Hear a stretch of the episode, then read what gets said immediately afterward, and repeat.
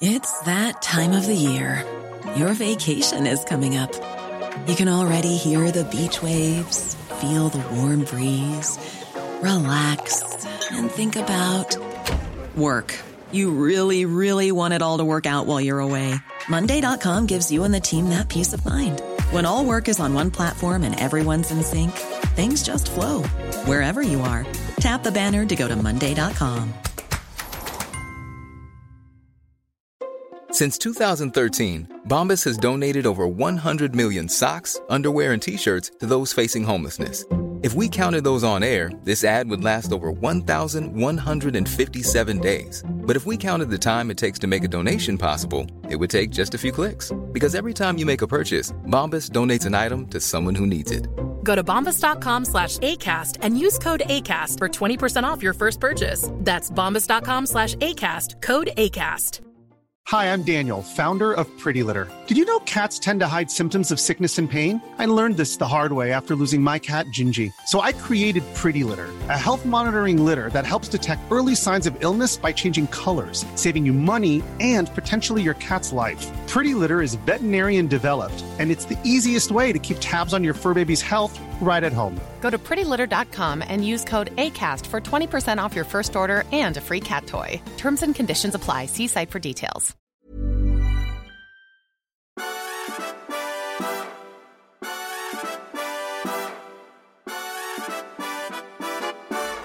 Morgon. Hej. Hej. Väl, välkommen till din podd. Ja, det är lite kaosartad morgon. Är det? Hur då?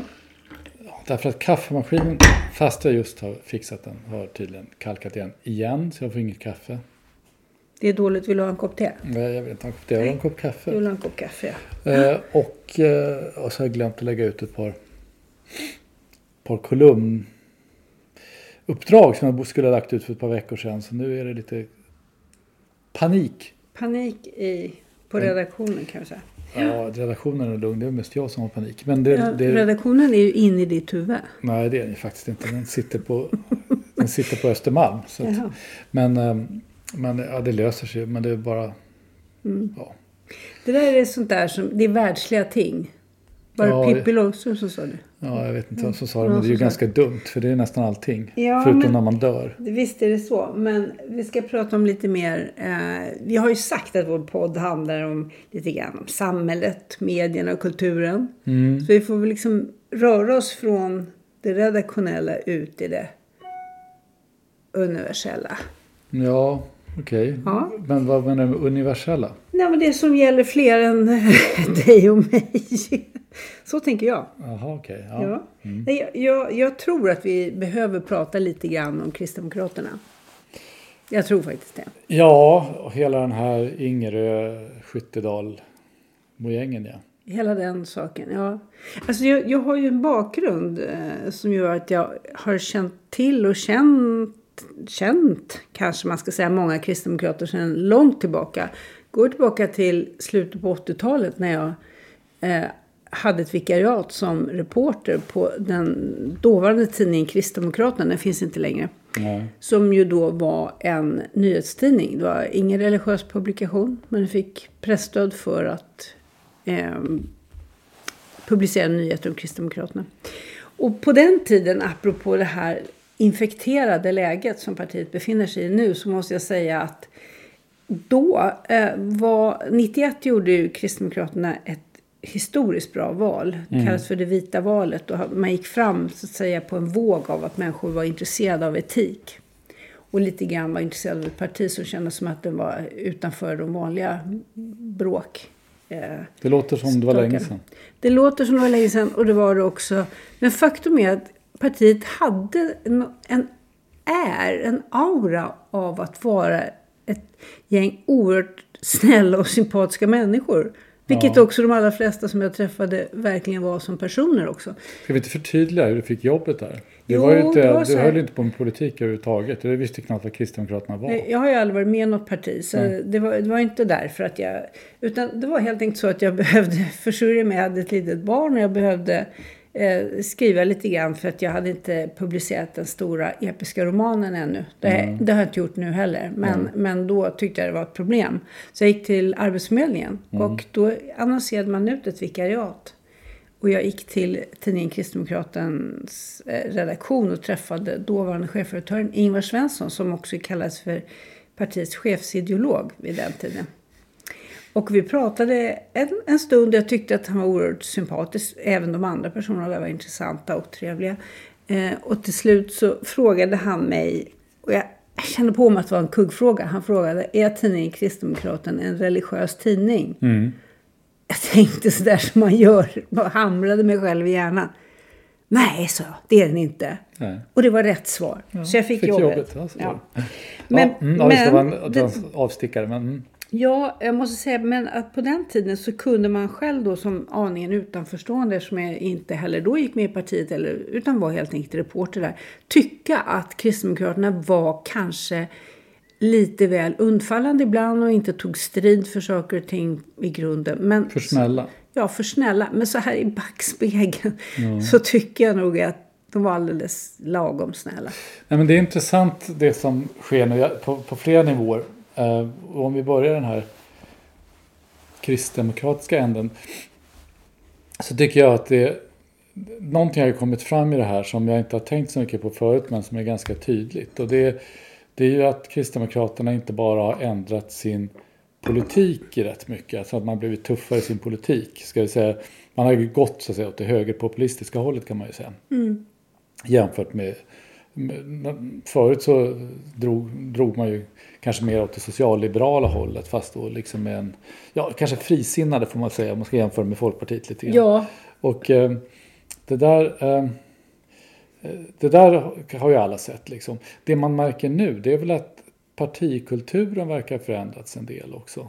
Därför att just det här som du berättade, det där har ju varit väldigt intressant. När man har, jag kommer ihåg att jag skrev en stor artikel om Kristdemokraterna, för dig faktiskt, när du var chefredaktör på Moderna Tider. just det. Om Jo. eh, hur de var, och det här var liksom långt innan Göran Hägglunds eh, pratade om verklighetens folk och så. Men där jag liksom beskrev dem just som eh, vanliga hyggliga människors parti lite grann. Lite ett Frank Capra-parti. Nu kommer ihåg den här det. regissören. Ja, precis. Amerikanska, Amerikanska. regissören som alltid skildrade liksom de vanliga människorna och politiken var liksom någonting lite främmande för dem. Eh, Som var väldigt förlåtande och de var väldigt hyggliga. Och hela den här idén om eh, fel, att alla är felbara som, som liksom aktivt eh, odlades i partiet. Det där, eh, det där har man inte sett så mycket av i den här konflikten. Och det, det ger ju mig känslan av, det är klart att ingenting sånt här händer rakt igenom ett helt parti. Det, det här är ett folkrörelseparti fortfarande i stor utsträckning och det är säkert mycket som är sig likt om man kommer ner i nivåerna på partiet. Men det man har sett nu eh, vittnar ju inte särskilt mycket om, om, eh, om förlåtelse och, eh, och eh, eh, Nej. förståelse och den här typen av Nej, saker. jag, just det här så att säga, ingen är ofelbar. Mm. Och hela den tråden rakt in i, i det som kristdemokratisk ideologi och personalismen och hur, Mm. hur så att säga liberalismen hänger ihop med eh, tanken på en större samhällsgemenskap.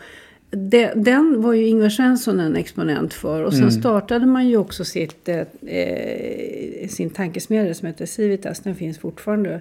Eh, Det var ju Lars F Eklund som körde den mycket. han var mycket där och Stefan Attefall som nu har blivit Ja. han har landshövding, blivit landshövding i Uppsala. Ja. Eh, var också, han var min chef på tidningen Kristdemokraten och han var också en av de drivande bakom den här tankesmedjan.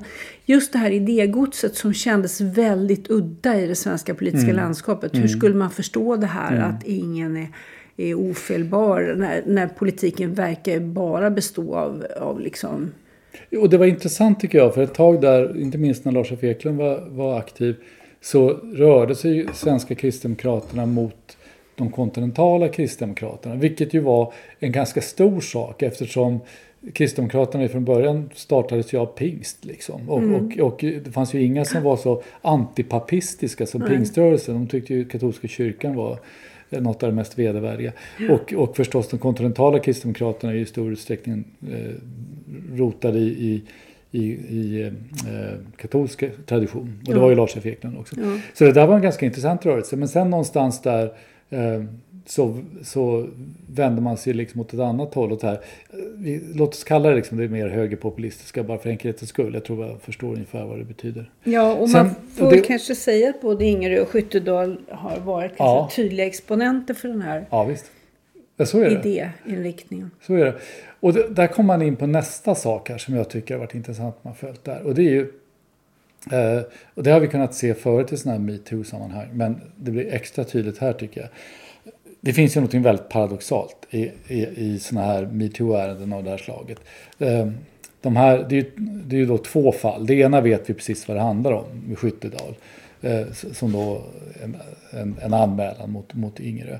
Eh, sen finns det ju en till anmälan som vi inte vet kanske lite mindre om. Eh, men, men den här Skyttedalanmälan, alltså det, det som beskrivs där, det är ju en vanlig, eh, vanlig eh, omdömeslös fyllefest. Där Skyttedal går och lägger en säng med två andra killar och somnar. Liksom, det gör man ju inte riktigt på en vanlig fest om man inte kanske är lite överförfriskad allihopa. Eh, Ingerö kommer in och, och tafsar på henne tre gånger på, på låret och sen så går han därifrån. Eh, alltså, till att börja med känns det som eh, Det här har du inhämtat i... Ja, det här är det som står i anmälan som har refererats Okej. i tidningar. Ja. Och, och det här, till att börja med så, så det låter ju inte som kanske livets mest traumatiserande händelse. Eh, kanske man kan säga. Men det intressanta med det här tycker jag, det visar ju någonting som, som har kommit till följden på det här metoo. Som jag tycker är väldigt paradoxalt. Och det är att vi är tillbaka till extremt gammalmodiga könsroller. Alltså den här typen av, av, av, av eh, idé om vad som, vem som är initiativtagare och vem som inte är det. Vem som är rovdjur och vem som är offer. Allt det här liksom väldigt strikt könsbaserade har kommit igen. Så, så det finns liksom ingen... Hela, hela, alla de här beskrivningarna går ut på att kvinnor alltid är utsatta och offer och, och eh, de är liksom inte sexuella subjekt längre. Utan de, är bara, de, de, de beskrivs och ska ha sympati som se- sexuella som att de utsatts alltid för sex, som sexuella objekt. Och varenda gång någonting händer av det här slaget, fumliga fyllefestgrejer, så är det eh, föremål för, så är det rimligt att polisanmäla det. Alltså det är, det är inte två vuxna människor som har en konflikt, utan det är ett offer och en förövare direkt. Och det tycker jag är en otroligt steg tillbaka i, i könsrolls eh, hänseende. Ja, det är det. Och sen så är det ju mycket som göms i det här. eh, Att kvinnor då till exempel faktiskt också kan vara förövare. Alltså det finns en, en bok som är rätt gammal vid laget som heter Gärningsmannen, en kvinna. Alltså det här glöms ju bort. För då får man ju alltid av någon sorts liksom könskonservativ höra. Ja, men det är ju så få. Ja, titta på till exempel att män kan vara offer i den homosexuella världen. Där det begås övergrepp mot yngre ja, män, framförallt män eh, mot män. Det göms också i den här typen av, av liksom ganska naiva eh, föreställningar om vad, vad människor är och liksom vad, könet innebär. Ja, Ja, men det, där har, men det där har ju kommit fram i metoo en del. För liksom Kevin Spacey till exempel. Det har ju varit, varit sådana här gay, gayärenden. Men jag tycker att den här typen av... Det, det blir ju... Alltså nu är de här båda eh, eh, polisanmälningarna lagts ner. Det kommer inte bli någon förundersökning, det blir ingenting. Eh, och, och det kunde man väl nästan ha listat ut från början. Och, och, och vad händer sen då? Alltså, nu är Ingerö, han, han kommer ju få leva med det här resten av livet. Han har liksom, I och med att det inte blir någon rättsprocess blir det inte heller något slags avslut för honom. Utan det här bara kommer att ligga där. Och det, det finns någonting i det här som jag tycker är... Ja, jag har skrivit en kolumn i Fokus som ju finns på nätet men kommer i Ja. tidningen sen antar jag. Som just handlar om någonting som Sara Skyttedal säger. Hon säger jag, i något anfall liksom av att eh, rättrådighet, jag borde ha stoppat hans karriär tidigare. Och det har hon ju faktiskt gjort. Det målet har hon ju uppnått. Hur han ska ta sig tillbaka eller till någon annan plats där han är liksom en person att räkna med. Det, det, det, vet, det vet man ju väldigt lite om. Så att det, Nej, det, och sen så kan jag ha full förståelse. Liksom, jag, jag, jag har full sympati för att man är med om, är med om obehagliga händelser och att man vill att det ska få kven- konsekvenser fine. Men det här platta sättet att resonera om det som innebär att man inte får resonera om det. Att så fort någon kommer med sina anklagelser så, så är det liksom bara i stort sett att acceptera att okej, okay, det här är det här måste vi ta på, på den anmälda, anmä, anmälarens villkor. Man får inte prata om, man får inte ifrågasätta. Det finns en annan del av det här som, som också har att göra med det här med könsrollerna som jag också tycker är intressant. Alltså jag börjar se det här mer och mer som en reaktion mot den sexuella revolutionen. Uh, som, som den gick ju ut mycket på, inte minst på, att man erkände kvinnors sexualitet och att kvinnor hade rätt att ta för sig lika mycket som män och så vidare. Uh, och sen så har man då i efterhand kunnat uh, börja resonera om det och säga att funkade det verkligen så? Eller var det här liksom en, en listig listig idé av, av samma gamla vanliga män för att kunna utnyttja kvinnor fritt. Och det där kan man ju alltid diskutera. Men den här typen av, av reaktion som vi ser nu, alltså just det här när, när kvinnor alltid blir någon slags eh, tilltänkta offer och inte är sexuella subjekt själva. Mm. Det, det tycker jag är ett tecken på att eh, Uppenbarligen så slog sexuella revolutionen fel. Uppenbarligen är det väldigt många tjejer som upplever konsekvenserna av den som att, att det var en, eh, någon slags frisedel att utnyttja dem istället. Ja, jag vet. Ja, det kanske man gör. Det, det, är väldigt svårt att diskutera det här offentligt i alla fall just nu. För att man hamnar genast i att man mm. har tagit ställning för och emot i olika lägen. Men en sak, för om man ska backa till det här med att det här händer i liksom en kristdemokratisk kontext. Är rätt intressant. Och det slår mig nu att vi pratar kanske slutet, ja vi pratar slutet på 80-talet. Det är mm. ändå, Då hade vi haft hela yuppie-eran och mm. ekonomin gick bra. Och man, liksom, vi fick Sturegallerian i Stockholm. Det var liksom lite lyx och flärd och, och folk såg ut som i Dallas. Va? Men på kristdemokratiska evenemang så var det noll tolerans mot alkohol. Ja. Och det tror jag, det, det skedet är mm. över. Jag ja. kommer ihåg såna, riksting som deras årliga sammankomst heter, middagarna där. Mm. Eh, jag kommer ihåg att någon gång så var det någon som fick ett glas vin och det, det var, var liksom revolutionärt. Mm. Och det är klart det var att, ingen som poppade champagne när Nej, det var ingen som poppade champagne överhuvudtaget. Och jag kan säga att så här i backspegeln kanske en del liksom har, kan relateras till en alkoholkultur också som går överstyr. Där folk ska liksom vara ja. väldigt... Eh... Ja, det där har ju varit ett problem i många partier.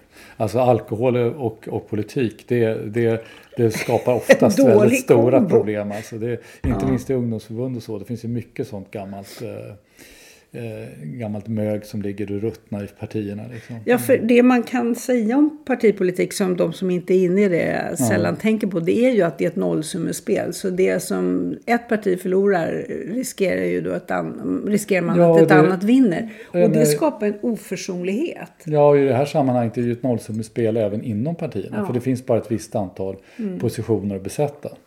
Och när de är besatta så är de besatta. Liksom. Så att det finns ju någonting här också. Det, men det är också det som som, gör att den här historien blir äh, komplicerad. Äh, att äh, den föregicks av att, att Ingerö gjorde sitt jobb.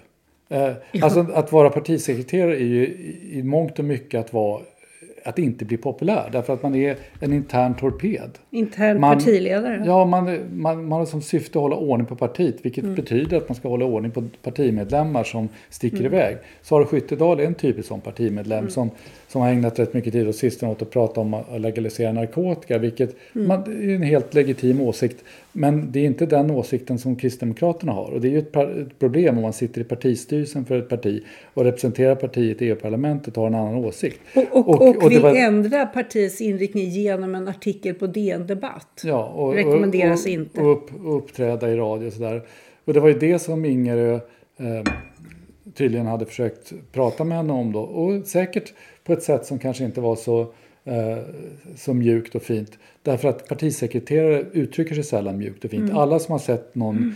någon sån här brittisk, eh, brittisk politik eh, serie där man har whips i parlamentet som talar om, de vet hur det går till. Det är, man lägger inte fingrarna emellan. Jag är själv van vid att som medarbetare på tidningen Kristdemokraterna en gång i veckan ha partisekreteraren och dåvarande, inga namn nämnda, i telefonen. Ja. Där han eh, till mig uttryckte med mycket stark stämma att han hade aldrig i hela sitt liv någonsin blivit så arg Nej. som när han läste någonting i tidningen. Varje vecka. Ja. Så det var bara att Ja. se spelet. Nej, men det är det en partisekreterare är till för. Och det, men där finns det ju en, en, en tycker jag, en, ytterligare en sån obehagsnivå i den här konflikten. Där, där man får en känsla av att man använder den här typen av gamla, man har liksom eh, sparat på gammalt groll som man sen kan Mm, använda Åtta år gammalt i det här fallet. Ja, i, av, av, i politiska syften. Jag vet inte alls om det är så det går till, men det är ju ganska svårt att inte tänka tanken. Ja. Ja. hur Hörru, som du, helst. kommer du att börja skriva dem då? Det och dem? Nej, det kommer jag inte göra. Inte jag heller. Nej. Jag tycker att det är... Alltså jag vet inte varför det är så viktigt att förenkla språket hela tiden. Eh. Alltså när man förenklar språket så, så, så gör man det också plattare och mindre nyansrikt. Jag tycker Mm. språk ska bli mer nyansrika, inte mindre nyansrika. Och jag förstår att det kan vara svårt det här med det och dem och så. Men, men varför är det... Jag tyckte det var, läs, läste en intressant sak som Olle Josefsson som är professor i nordiska språk sa i Svenska Dagbladet idag. Ja. Att han tycker att valet mellan det och dem i skrift är en praktisk fråga som upptar alldeles mycket av vår tid för närvarande. Ett, som debattämne, som symbolfråga. Jag, jag måste säga att jag blir otroligt lycklig och harmonisk av tanken på att människor ägnar mycket tid åt att tänka på hur de använder språket. Ja. Jag tycker inte man kan använda för mycket. Jag tror inte det. Sen Tiden. kan jag inte så störd av det på det här sättet. Jag tycker, alltså det är ju det fina med språket, det är ju inte centralreglerat. Det är ju inte så att det finns någon som talar om för oss exakt hur vi ska göra. Det finns ju såna här gamla 70-tals uh, uh, mystyper som fortfarande stavar mig, M-E-J liksom. Det, finns, och det får man väl göra om man vill då. Ja. Och om vill man nu använda dem hela tiden, gör det då. Men jag tänker inte göra det. Nej, och det säger ju någonting eh, mer om en själv än vad man kanske tror. Eh, och sen så är det ju det här med alla experter som vi har och nu språkexperterna som ska lägga sina pannor djupa veck. Eh, All språkförändring, för den pågår ju hela tiden, den sker ju utifrån eh, individuella val. Så det är så det går till. Ja. Finland kommer med i NATO. ja. Det känns ju lite surt. Ja, då, det gör det. Fast jag känner, jag känner, jag känner det är bara, det är bara, det är bara, man får bara vänta lite grann. Men en sak har slagit mig, en, en liten konspirationsteori som jag har svårt att, att få ur sinnet.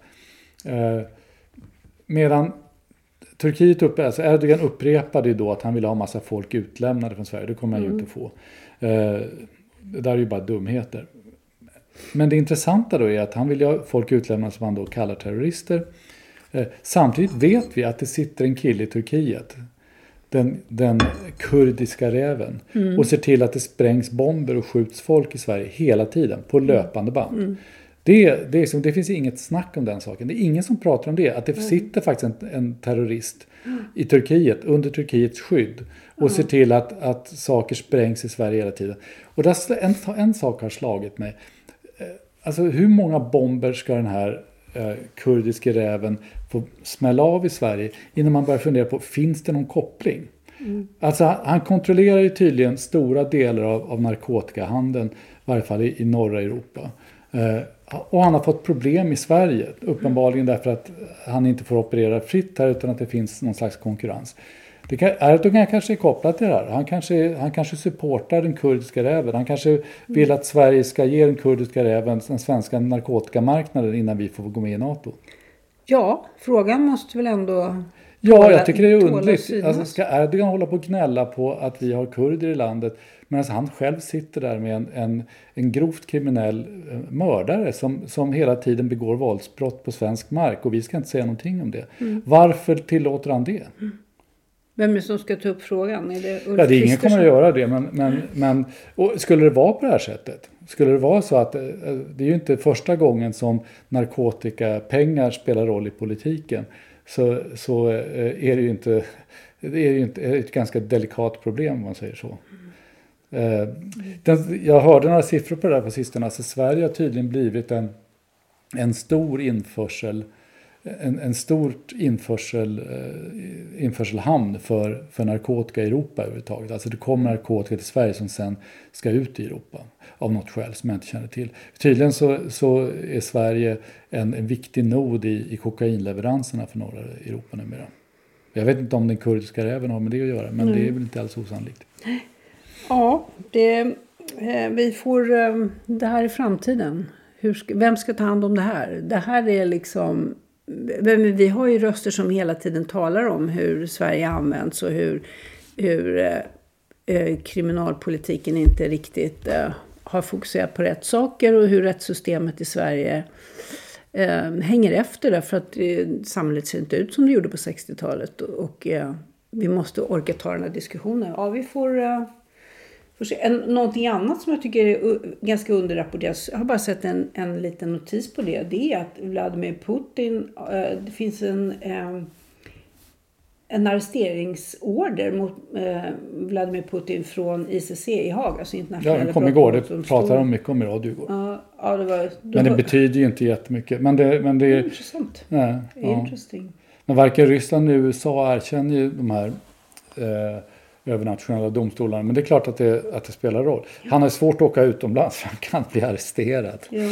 Det är lite...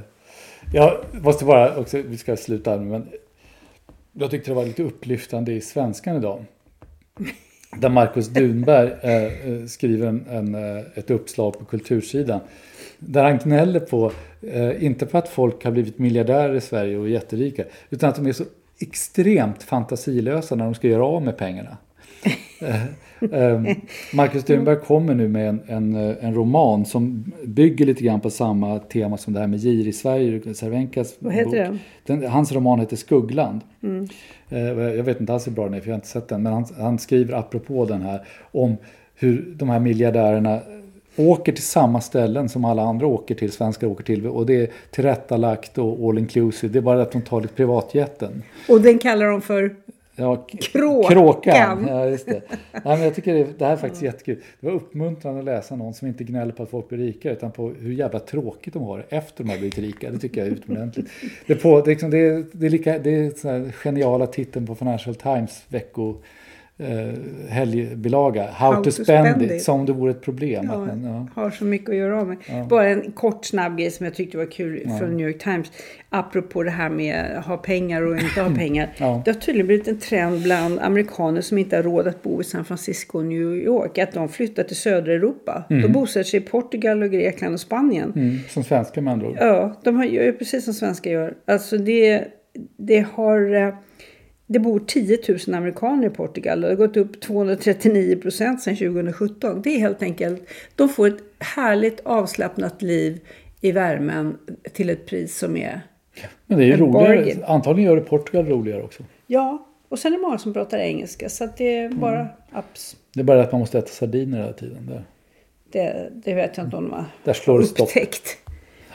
Ja. Jaha, ska vi nöja oss med det? Det får vi göra. Ja, då måste jag försöka hantera mina katastrofer från espressomaskinen till kolumnfrånvaron.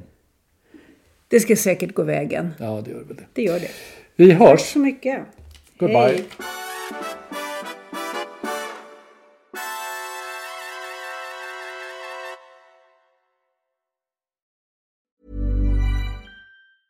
Planning for your next trip?